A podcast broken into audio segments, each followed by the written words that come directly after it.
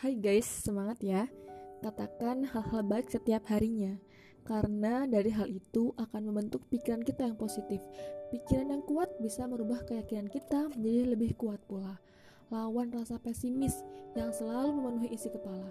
Itulah ketakutan terburuk yang terbayang setiap kali akan memulai berjuang. Padahal itu semua belum tentu terjadi. Kita masih sering kalah ketika berada pada tahap niat. Yuk selalu berprasangka baik padanya dan bersihkan pikiran kita dari persepsi yang buruk. Semangat!